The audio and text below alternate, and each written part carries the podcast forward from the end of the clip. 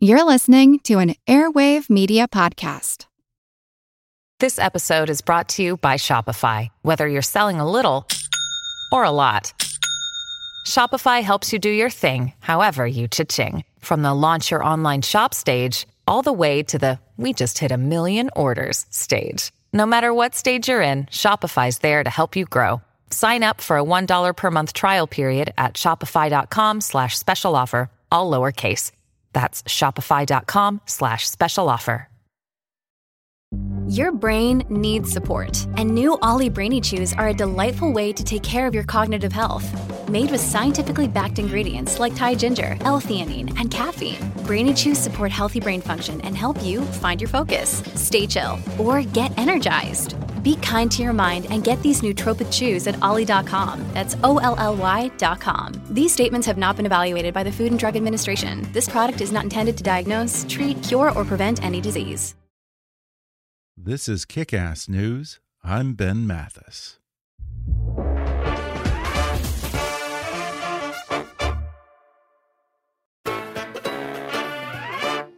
Before he achieved international success as a filmmaker, Oliver Stone had been wounded as an infantryman in Vietnam and spent years writing unproduced scripts while driving taxis in New York until he finally ventured westward to Los Angeles and a new life.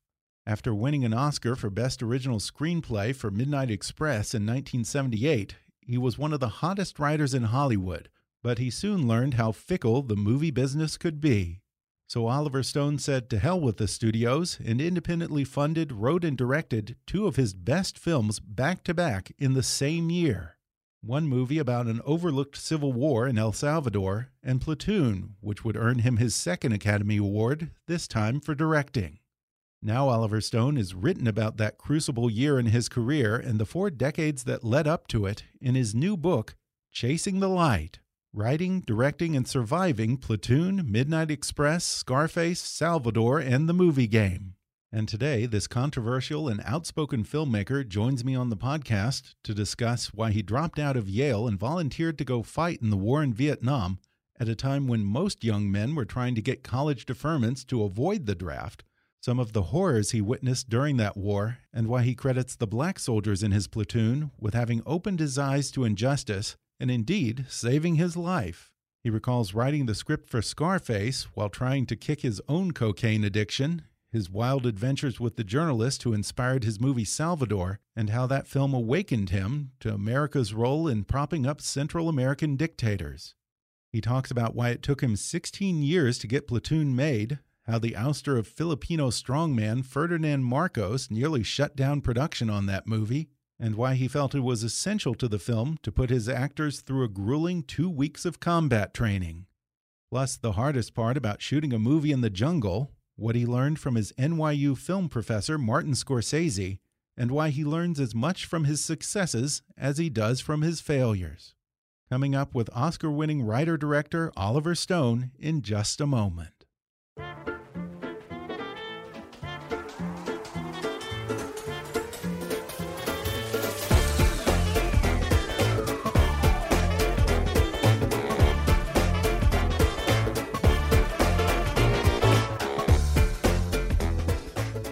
Oliver Stone is the multiple Oscar winning writer director of Platoon, JFK, Born on the Fourth of July, Natural Born Killers, Midnight Express, and many other films.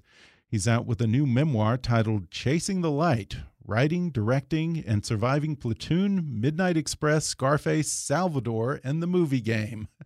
Oliver Stone, welcome. Thank you, Ben.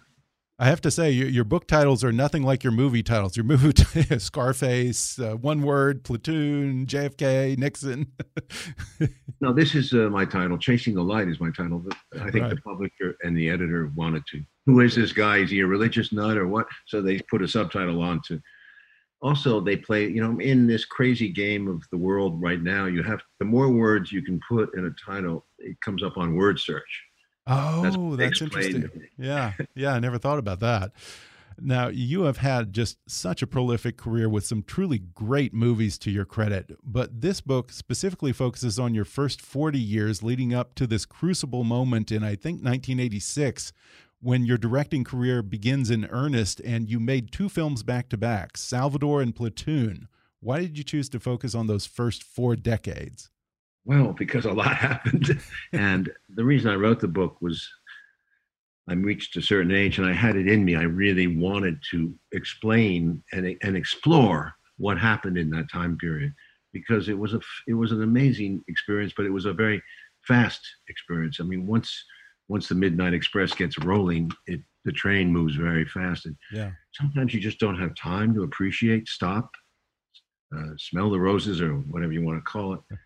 I really, by going back and living in that world for almost two and a half years, re-exploring and becoming conscious of things that happened.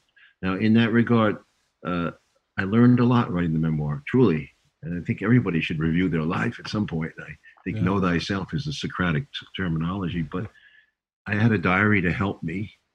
Uh, now it was a little spotty in the 70s because my life was a little spotty, but it's it comes into being more in the 80s, and then I have it from then on to the end, and there's it's just too thick a story. But the whole idea was that I realized a dream that I had when I was young, which was to be somebody to achieve a success in the arts and movies was a dream. It was a dream, and I realized the dream at the age of 39, 40 when I made those two films back to back. I got my place in Hollywood, so to speak, and it's like a novel. I mean, I tried to keep that in mind. It goes, it opens at 30. I'm broke. I'm depressed in New York City.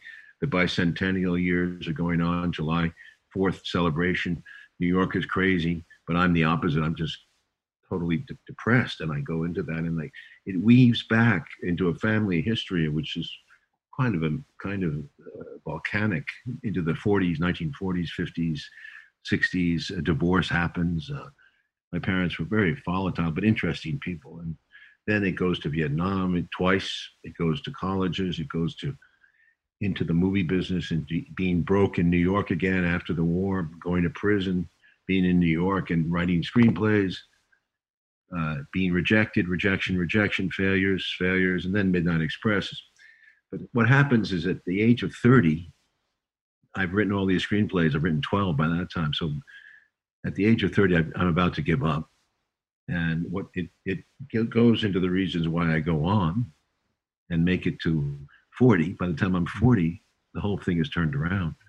You mentioned your parents' divorce a moment ago, and I enjoyed reading about them. They were both very interesting people. Your dad had been a writer and a stockbroker on Wall Street, and he was an aide to General Eisenhower during the war.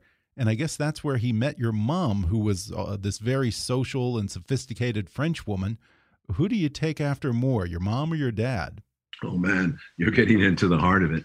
Uh, yeah, there's a tremendous split in my nature uh, you know, first of all, you realize that I'm a writer director. So I'm trying to make the point about the split. Uh, my father was was a writer, a logical man. My mom was a party girl and wonderful, loved people. And so, in a sense, she became my inspiration to be a director. I mean, to be out there in the world.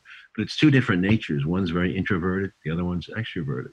And the Vietnam War has played a big role in your life. You talked at length about uh, the influence that it's had on your life and your work and who, who you became as a person. And I have to say, you're an interesting cat, Oliver Stone, because here you were at the height of the Vietnam War. Most American males were trying to get college deferments so they could get out of the draft. And you did the opposite. You dropped out of Yale and chose not to go back. And instead, you go to Vietnam and specifically ask to be a regular grunt in the infantry, even though you probably could have gotten a cushier post through some connections with your dad. Why were you so eager to fight? Well, there are multiple reasons. I mean, my father was a very strong uh, Republican influence in my life, believed in, you know, honor, duty, country. And uh, I was, I felt like the communist menace was at the gates in East Asia, you know, and I mean, I, I went for it all lock, stock, and barrel. Okay. You were a true uh, believer back then. Yeah, but there was another reason too, and you have to take that into account is that I was, I had written a book, I was a writer in my bones, and I had written a big book for myself. It, at 19 years old, after coming back from Vietnam in the Merchant Marine and being a teacher for two terms in Asia, in, in Saigon, I wrote this book about my first it was the first expression of my feelings that I'd ever ex- had, and it was an explosion. And in a sense, I came to believe in myself. I existed after this divorce. You have doubts about what your family life means and any, what your life means. And I think it was a way to reassert myself. I existed, so to speak, on paper, not in, I, I still wasn't a person that was formed. I was forming. And writing that book really released a lot of energy tension. But when, when it was submitted in 1966, it was rejected. Uh, that broke my heart. And I had given up college, I'd given up everything. I felt like I was on the wrong path in my life, that I had was a narcissist and I completely overstated my claims and felt like I needed to be uh, punished, humbled. Uh, I was troubled. I was very dark, dark moods and suicidal. And uh, so you had a little bit of a death wish, huh? Yes, exactly. And I, I don't think a lot of adults take that seriously when you're an adolescent, but it really exists. Yeah. yeah. So I, I did go with a sense of let God sort this out. you know, let Him roll the dice. I got to see what happens because if I deserve to live, I'll come out. If I don't, we'll find out. And frankly, I didn't. I didn't bitch about it. I mean, it was rough over there. Uh, the moment I got into combat, I realized how rough it was. But I never, I, I never regretted my decision. I thought I was a fatalist in that way. Now, you've talked before about the bond that you had with the black soldiers in Vietnam, and we see that in Platoon. What kind of influence did they have on you personally, and maybe also in terms of how you perceived that war and maybe even America as a whole? When I got to Vietnam, uh, what I saw was, put it this way, a lot of the black soldiers, not all, I, I became, I bonded with them because I agreed with them. I, I, I had a contempt for authority and the reasons we were fighting the war. Uh, I, I just instinctively we felt that we didn't protest or anything. What we did was smoke dope, listen to music back in the base camps, and hang out. And it was that bond, that brotherhood, and they let me in.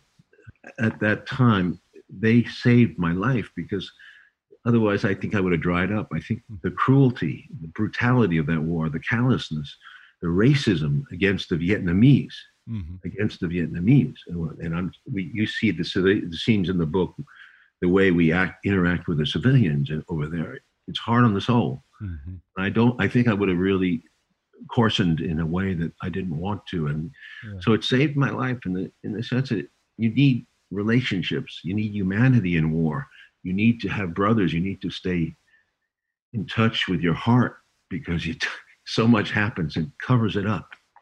And also, I would say the black soldiers in general had a, a contempt for authority, the man, so to speak. You know, like the white the white figure, the bully, yeah. the guy who was telling them what to do all the time. Yeah. They were not anti-war as much as they were anti-authority. And uh, I had problems in the army. I, I, got busted a few times, yeah, for disciplinary reasons. Oh yeah. and, and I, I, in fact, I volunteered. I extended my stay in Vietnam in combat. I went an extra three months to get out of the army sooner. When I came back stateside, I, I, I wanted to kill off the last six month obligation. So I extended three and I got out three months early. I've heard at some point, uh, I guess the CIA tried to recruit you when you were over there, and I guess that could have been your ticket out of the infantry. You turned them uh, down. Can you talk about that? Is that true? Okay. Now that was a story that surfaced uh, years ago because when I taught school there in 1965 at -huh. the uh-huh. age of 19, I went over there al alone, didn't know anybody, grew a beard, and really melted into the population in Cholon. And that school was a strange school because it was a Catholic, heavily Catholic school, financed, privately financed out of Taiwan. Now, Taiwan was a big anti communist uh, island and uh, country. And they wanted to influence the population. Uh, so they were teaching a rigid kind of anti communism. And I was teaching history and mathematics, so I wasn't involved in all that. But I heard later from one of the students that there was quite an influence. They were involved with the CIA, that the church was involved, the Catholic Church was, okay. and so forth. And the school was one of their schools in Asia, but I didn't know that. So I don't, okay. that's not called recruiting. I just happened to work for a okay. school that was suspect. Okay. The problem with the school, it's a funny story. You'll get a kick out of this. I mean, if you go to school, you know how hard it is. And I really took my job seriously. I was, I prepared. I had to grade 50, 60 papers. I mean, it was like five classes, I guess, 300 papers a week practically. And the kids were really uh, hard workers, some of them, and some were really lazy, lazy beyond belief. And there was no hope for them ever learning anything. so I flunked. I'd flunk about twenty percent of the students because that's the way I was trained at Yale, you know, or at boarding school. I flunked twenty percent of the students. Then I come back the next term, and uh, I go into my class, and that twenty percent has been promoted to the next class. You see. and I, I threw my hands up and I said, What the fuck is going on? I go to the headmaster, who was a very cold, ascetic Chinese man, and he said, You know, he said, Don't worry about it, you know. And I found out later that the reason the school was on the ropes, you know, the, they needed the money from the Chinese Vietnamese business community to keep going. So the parents, of course, would bribe would yeah. bribe the school pay extra money to get the kid promoted. now, yeah, I have to say it's hard to picture you as a CIA spook. that would have been a very different life, I imagine. well, they've accused me of that. No. Oh yeah, have they?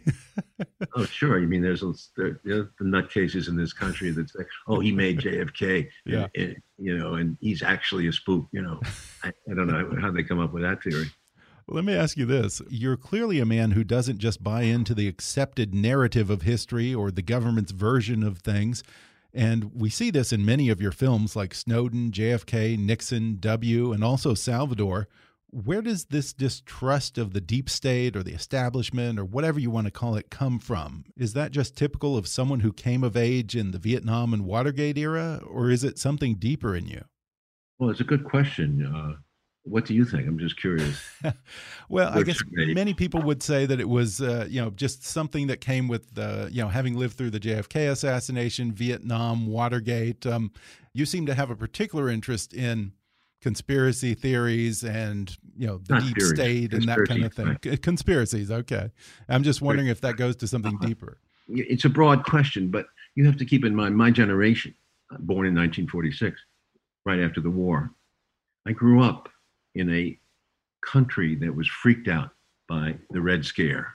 I mean, we'd had a big Red Scare back in 1919, huge, and we right. deported a lot of people, and we passed a lot of stupid laws. I mean, we've had a lot of stupidity about uh, Russia in our country, and it continued heavily after World War II. And my father, because he'd been a lieutenant colonel in, in the uh, Eisenhower staff on financial affairs, and he'd seen a lot of chicanery in the financial in Berlin and in Paris. He'd been there, and he, the counterfeiting of the American dollars. There was all kinds of stuff going on.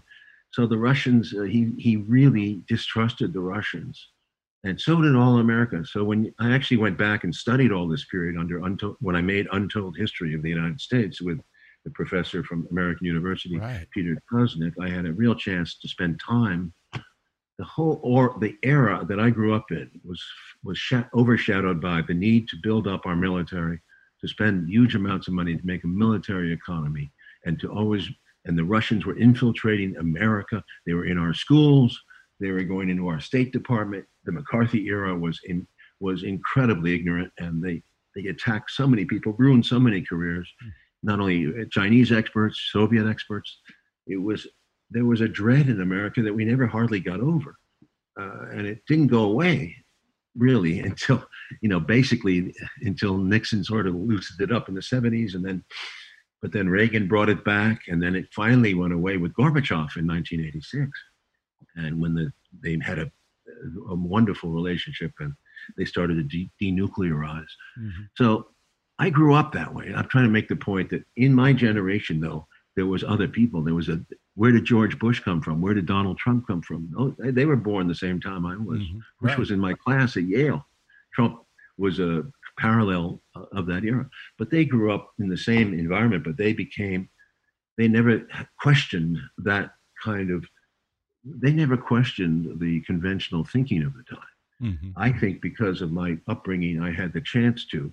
My father was, you know, rigid in that way, but he was also an intelligent man. He always we had arguments, debates about movies, about Russia. I was always questioning, but I never really was. A, I was a conformist too. So, what was the turning point or the aha moment for you when you realized that your government maybe wasn't always acting in your interests? Sometimes leaders lie, they cover up crimes or prop up some pretty bad guys in the world. Did that dawn on you when you were fighting in Vietnam or when? I came back from Vietnam alienated, but not not not looking at the big picture. I And I write about that in the book and about how over the 70s, the course of the Watergate, as you say, and certainly Jane Fonda and those people and all the protesters, I did listen.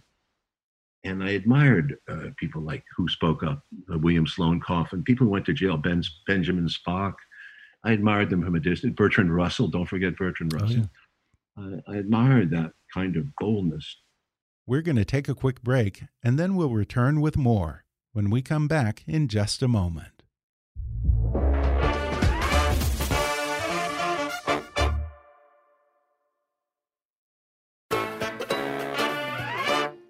And the way you describe it in the book, it also sounds like directing the movie Salvador wasn't just a turning point in your career, but it really opened your eyes to the kind of highly questionable things that our government and the CIA were doing, such as propping up dictators, assassinating leaders we didn't like, covertly funding wars, etc.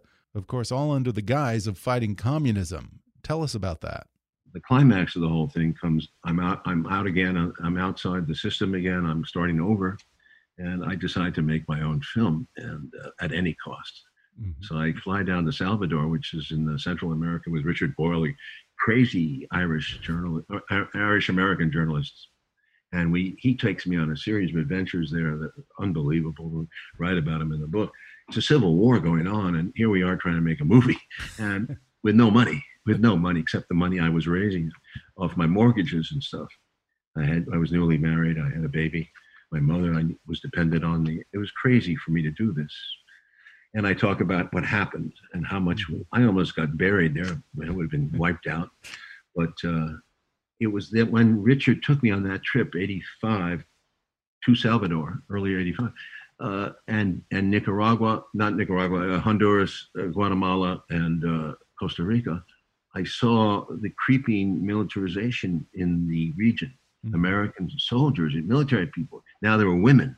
So it's a whole different story here. This is a Honduras. We have troops there, National Guard, reserve troops, TDY, all, all kinds of illegal maneuvering is going on and spooks everywhere. Mm-hmm. Costa Rica. Uh, certainly, Honduras was a hotbed in Salvador, too. Yeah. They were breaking the law constantly. The, the idea, the, the goal was to destroy the government of Nicaragua, which mm-hmm. had just a revolutionary government, the Sandinistas, so there was an ugly war starting to happen down there, very ugly.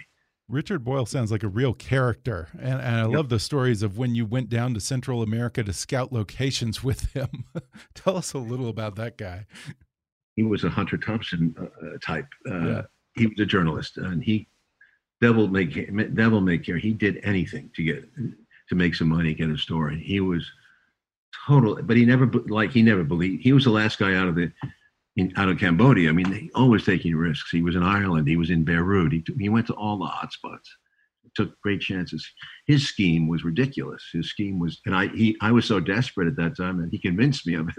He said, "Well, we're going to get the uh, Salvo government, which is heavily right wing, that we're going to get the Salva- Salvadoran government to put up the dough for us to shoot half the picture here. We're going to sh- we're going to show the bad guys as the communists, you know, the, the rebels, what Reagan was saying."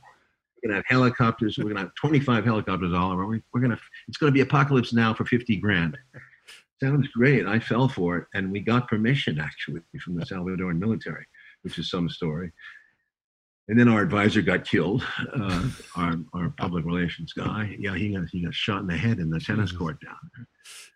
But uh, and his and Richard's plan, of course, the, the, end of the plan was to finish the last half of the film in Mexico, mm-hmm. where we would use where we'd shoot the rebels as the good guys.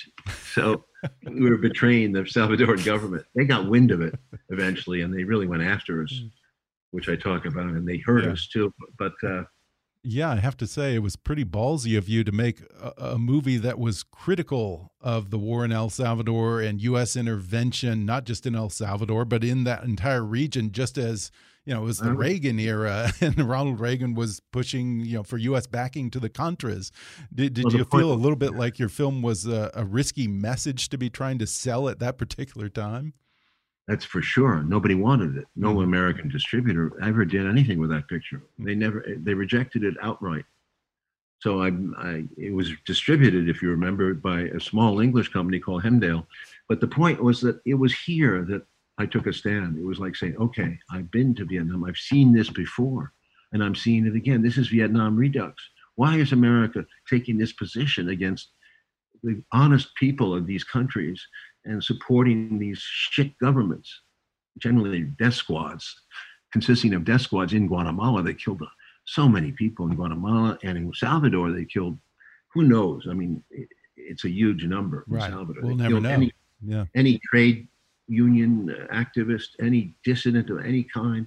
They killed uh, any sort of reformers. They went. They even went after religious people, nuns. Uh, they killed the Archbishop of Salvador, the, yeah. the leading figure, Romero, and we showed that in the movie.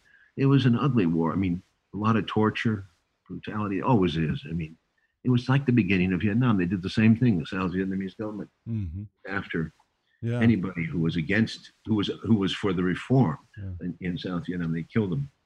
A moment ago, you mentioned the British independent film company Hemdale, which ended up financing both Salvador and Platoon as a package deal. It was run by a somewhat legendary producer named John Daly, and you give him a lot of credit for taking a chance on you. Tell us a little about him. He was quite a guy. He he was a real buccaneer. I mean, he had been a boxing promoter of the one of the promoters of the Ali fight in the Congo in the Zaire uh, and he'd been jailed for that too. you know, he'd been around too. He'd been in merchant seaman like I had. Oh yeah, tough guy, but a real Cockney. You know, mm-hmm. like Michael Caine, your the your guest. I mean, came from the streets, so he had that sensibility. A real guy. He wasn't a phony producer type. Uh, I loved him. He died. He died young, but I loved him. He was, of course, was sued into bankruptcy. He had so many lawsuits at the end of his life. He was a funny man. Well, and I know in years since, Salvador has been somewhat overshadowed by Platoon and your later studio films. But I have to tell you, I watched it again the other night, and it's a damn good movie. It really does hold up well all these years later. Well, it's fun because, it, and it's also because we made it fun too and entertaining. Mm -hmm. Richard is an right, entertaining funny. guy. Yeah. So he, I mean, he says things that are outrageous in the movie. They're mm -hmm. they're in, politically incorrect. Okay. Yeah but we love that too in a, in, a, in the way that we love Hunter Thompson or we love Cheech and Chong, you know. Mm-hmm. And that's that was our idea going into the movie. Let's make it wild and raucous and unlike a politically correct yeah. movie. Yeah, and Belushi's great in that movie. We have so much violence and yeah. sex that you know there's no way we could get that through the system. But it was important for me to do that to get to to make a statement because I had been attacked before that on Scarface, on Year of the Dragon, on Midnight Express, I was attacked vociferously by some critics for being racist, xenophobic, all that stuff, hmm. which I was not. So I felt like this was a chance as a director to make a statement, mm-hmm. statement about what I felt. Yeah. I thought it was my last film too. By the way, I thought this is it. I'm never going to work again. Yeah, having rode that wave up and down in Hollywood at that point, how much was riding on Salvador? Did you feel like it was a make or break moment for you? Oh yeah, this was it. Now, I, when I hit 1985, and I said, I got to do something outside the Hollywood system. It's not going to work for me. I mean, I've been through hell. I, I, I told you about my, I wrote about my struggles with Platoon. Uh, I'd written that in '76. It was, and it, they almost made it twice, and you know, and I just gave up after a while. And uh, so this was it. I had to take a stand, and I, it seemed like I could do Salvador at a very low number when I first read the Richard story of it, but I was crazy. Yeah. There's no way to make a picture with 93 speaking parts, helicopter attacks, death squads. Massacres. You can't make them. And we had all the way through, we had problems. And yeah. they're funny problems sometimes. Mean, we're about we're about to start to make the film, just about to start finally. And of course, the Mexican government devalues the fucking peso at that very moment. we lose 20% of our budget. You have this amazing moment where you get to direct two movies back to back. And yeah. you had been trying to make Platoon for, gosh, 16 years, I think. And it's funny because I love how you say that at first the studios years back were telling you that no one wanted to see the Vietnam War on the screen. It's too dark, it's too soon you know, and then suddenly the Deer Hunter coming home and Apocalypse Now come out, all big hits, and then they say, "Oh, the Vietnam War has already been done; it's played out." In a way, you're right. Yeah, it wasn't quite like that because Coming Home did not was not a hit. It was financially. Oh, was it? it was, okay. Uh, it was too down, and that that hurt us very much because I had also really? written Born on the Fourth of July at that point. Oh yeah. Was a, another reason they killed it. But the uh, the other two, Apocalypse and Deer Hunter, were mythic, large, uh, large canvases, epic films. They were I enjoyed them, but they were not realistic to what uh, happened on the ground over there. So that was lacking. And then on the other side of the spectrum was was poor, was Sylvester Stallone with his inflated ego, making these Rambo pictures and which were awful. I mean, except the first one was not bad, no, not, mm-hmm. but there was this beef, like you know, let us go back and fight the war again. We had the hand tied behind the back. The politicians, it's the old German story from World War One. You know, mm-hmm. we couldn't fight the war our way. Well, come on, we couldn't have won it except by nuking them. And I doubt that we even that would have worked because they're fighters. The Vietnamese are really fighters. I mean, yeah. warrior ants for independence. They don't give up. Curtis LeMay was insane, and that kind of thinking would not work. Yeah. But uh, there was Rambo, and there was also Chuck Norris, another another Texas Ranger type, you know, who's going to go over there and be the, be the justice, the guy who brings justice to the world. You know, all that crappy thinking is really that vigilante thinking is off base, and it's part of the American problem mm. we have. And I love some of the stories of the things that went on behind the scenes on Platoon and the hurdles you had to overcome. In fact, wasn't the film almost canceled because you were shooting in the Philippines just as Ferdinand Marcos was ousted? Yeah finally, after 10 years, I get a chance to make the damn movie yeah. and really want to make it. They're actually giving me the money. The money's there. The schedule's yeah. set.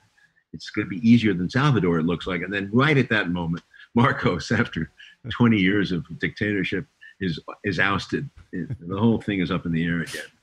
Yeah, and I think that you said that Marcos's military had given you guys permission to use all these helicopters and tanks and all these things. Yeah, and so you had to renegotiate with the new government. Huh? That's correct. But, you know, it's it's also at the same at the very same moment Salvador opened in New York and didn't do so well. Hmm. So you can imagine my uh, my heart was in the, yeah. in the toilet. What's the hardest part about filming a movie in the middle of a jungle? We found out, didn't we? Uh, we did everything. We broke all the rules, frankly. Yeah. But no one, I don't know, that had ever done what we had done, which is take cameras in so deep into the jungle, yeah. where the moisture, you have to deal with the moisture and sometimes the heat, and at night you have to deal with insects that are very loud. And it was we learned everything as we went. It was a mm. on-the-job training. We built basically built sets or whatever you call, you know, built camps that we photographed way up in the mountains. Sometimes we several thousand feet, and we were a long way from any base. So we were. I loved it that way because it was real guerrilla filmmaking. Yeah, Bob yeah, Richardson sure. and I. Bob was my director of photography. Wonderful man. We had been through hell on Salvador. He'd gone through. He'd seen everything. It was his first film. So this is our second film, and together, and it was like we really had. We learned as we went, and we built our confidence. But really, it was just I mean, half the crew got sick over the course of Platoon because it was a tough film to shoot. And there were days that 50% of crew, we had to film with 50% of the crew sick down. Yeah, and you actually hired Captain Dale Dye to put the cast through a few weeks of very, very intense combat training. I, I can't imagine how many times SAG would have pulled the plug on you if this had actually been a SAG movie. Would you put those poor guys through? You know the rules, and uh, you're smart. I mean, SAG rules are very tough. They have 12 hour turnarounds. There was no way we could put our so our actors into a jungle setting for training camp. And I needed I my my dictate my directive to uh, Dale was I don't want them to sleep. I want them to really be on the edge of their nerves. They should look exhausted when they when they come on screen, tired, nervous, irritated, and that's when he he got them to that place. There was no very little rest, which is the way I remember Vietnam. Yeah. Yeah, I, I, had Willem Dafoe on a while back, and he actually said that what you put them through was very helpful. He said it was essential to the movie, in fact. Yeah. I don't think it would have been as effective. but certainly SAG would have closed us down in the oh, States. Yeah. And they probably close us down now. I mean, there's no way you can make these kind of movies. Mm -hmm. I was blowing all the explosives because the, the special effects guys were short-handed and they needed to be out in the out with the wiring, and I had I was blowing them. No director would do that now. Yeah. Yeah, what do you, what do you think about Hollywood now with all the rules and now you got to have a COVID? I think you said something about this. You have to have a COVID consultant on set and everything else. Well, I, I heard the intimacy advisor too. for for, in, for intimate scenes, yeah. for male female scenes. I guess yeah, you know, wow. you know, it's gotten really specialized, and I think it's dangerous. It's, yeah specialization in anything hmm. where it becomes over specialized. Yeah. makes it very difficult to, to actually, first of all, in the first, to make a film is very hard and takes enormous effort from so many people. Mm-hmm. And uh, it's just another layer. It's another another layer of difficulty. You know, more. I think more power to them. I hope they make good films this mm-hmm. way, but, but yeah. it'll be more expensive and it'll take longer. And in addition to putting your cast on Platoon through some pretty hellish combat training, you actually admit in your book to having been, in your own words, abusive to the crew on that film. And I know that at times you've gotten branded, rightly or wrongly, as quote unquote difficult to work with, maybe combative with studios, hard on actors, et cetera, et cetera. At this point, do you just have to own that side of yourself, or how do you respond to that stuff? I would own up that I got platoon was so difficult, as was Salvador, that there are times you can't take it anymore. You snap like any human being would snap. Sure. But I had to be cool. I had to stay cool. Otherwise, I couldn't have done ten films in ten years of that of that complexity mm-hmm. if I'd been an asshole. Yeah. uh, there are times you just have to you just kind of watch yourself. You do want to kill somebody on platoon when you have it's your script. You have 50 to 54 days to make it. Every hour counts in the jungle, the light goes down. That's why Chasing the Light, the title, you're chasing the light. You have to get it done. And what people don't realize is that if you don't, if a, a fire truck doesn't show up and you have to lose two hours or you, they screw up and you don't move the crane before the night before, you lose time. Mm-hmm. That time comes out of the script. If there's nobody else, going there's no insurance. I mean, that doesn't really work because you're not going to go an extra day over the 54 day limit. That's mm-hmm. it also you've got to get out of there. And the, the, monsoon season was coming. Yeah. So every wow. time that happened it was like p- taking a piece out of me. How am i going to shoot this scene now? How do i have what do i have to cut out of the scene to make this work so i need fewer mm-hmm. shots? This is always a debate going on by the way all through my career till the very end. So but i do think uh, i had a lot of fun on the sets and i had very good relations with most everybody. There's a few that didn't work out but yeah. i worked with a lot of different but I had very good relations. Yeah. I, I, and I think we did a hell of a good job of rehearsing too, rehearsing very complicated stuff and getting good performances from judging from Academy Award nominations and stuff. Yeah. Yeah, I, I don't think that the average person understands how the job of director requires you to be so singularly focused on just getting the movie made and how no one else on that project has as much invested in it as That's the director right. does. And in, in fact, there's something that you say in here earlier in the book when you were in film school. You actually had a young Martin Scorsese who was teaching you, and he said to make a good film, it has to be personal for you. Is that still the case? Do you feel that every film that you make today is still personal? You have to find your way into it to mm-hmm. make it matter to you. Yeah. It has to matter to this place of passion. If you don't have the passion, I suppose you can do it. Mm -hmm. I suppose you can do it, but uh, it hasn't worked for me. I, that's not to say you're going to be a you're going to you're going to live on the edge of your breath all day through all those films. You have to find your pace. But so much work, so fatiguing. It's not only it's the writing, the directing, and the editing, and also working the, the release. You have to go out and publicize yeah. and talk about it. So it's a long haul. Uh, you don't start that process unless you love love this project to the death. And I mean, really marry it. It's a marriage. It's not like a dating, you know, you're not dating the, uh, the movie. Yeah. that won't last. This is going to, this has to go the distance. Mm-hmm. So that's why I say every one of those films is like a baby, you know? Yeah well, we sort of skipped over some of the films that you did in the 70s that you wrote but didn't direct. And as we start to wind down here, I, I do want to bring up Scarface. I was kind of surprised to find out that as you were trying to kick your own cocaine habit, you were writing the screenplay for Scarface. Was it hard to no. stay sober when you're writing a movie that's entirely about the coke trade? I researched the movie mm -hmm. on with on cocaine and I talk about cocaine because it was around in Hollywood heavily in the 70s mm-hmm. and even and certainly into the 80s. And I got, you know, and at first I did it as a party drug, as an energizer, no problem. But at a certain point, after the during after the hand really came out in 1981, I got hooked. Mm-hmm. And by that I mean addicted. And I think addiction is the when you need something, it controls you. You don't control it. And I lost control of my I wasn't myself in my writing. I thought degenerated, and I talk about it. I think, frankly, in the book, and that was during the period when I was offered Scarface. So I did the research in, in Florida and the Caribbean with cocaine dealers, with all those people on, you know, I was one of them. And uh, I, got, I got, I had a very hairy scene as I described in Bimini, where I almost got, my wife right. and I almost got offed by, I thought we were going to get killed by a couple of dealers, major, major dealers. Wow. Uh, in other words, I experienced the tension of of that trade, of what, mm-hmm. what it's like. Mm-hmm. But when I went to Paris to write it, I went to Paris deliberately to write it to, because I knew I, there was nobody in Paris on that drug that could influence me. I didn't want to be around people. That's the danger of it. It's always the people in your social circle. Mm-hmm. Uh, so I wrote it actually. I wrote it cold turkey in Paris and worked on it. I and that you know I never was addicted again. I mean, yeah, I've done it since then. I mean, everyone's kind of, a lot of people have done, it, but it's not like I'm addicted again. I never want to be under the control of a drug again in my life.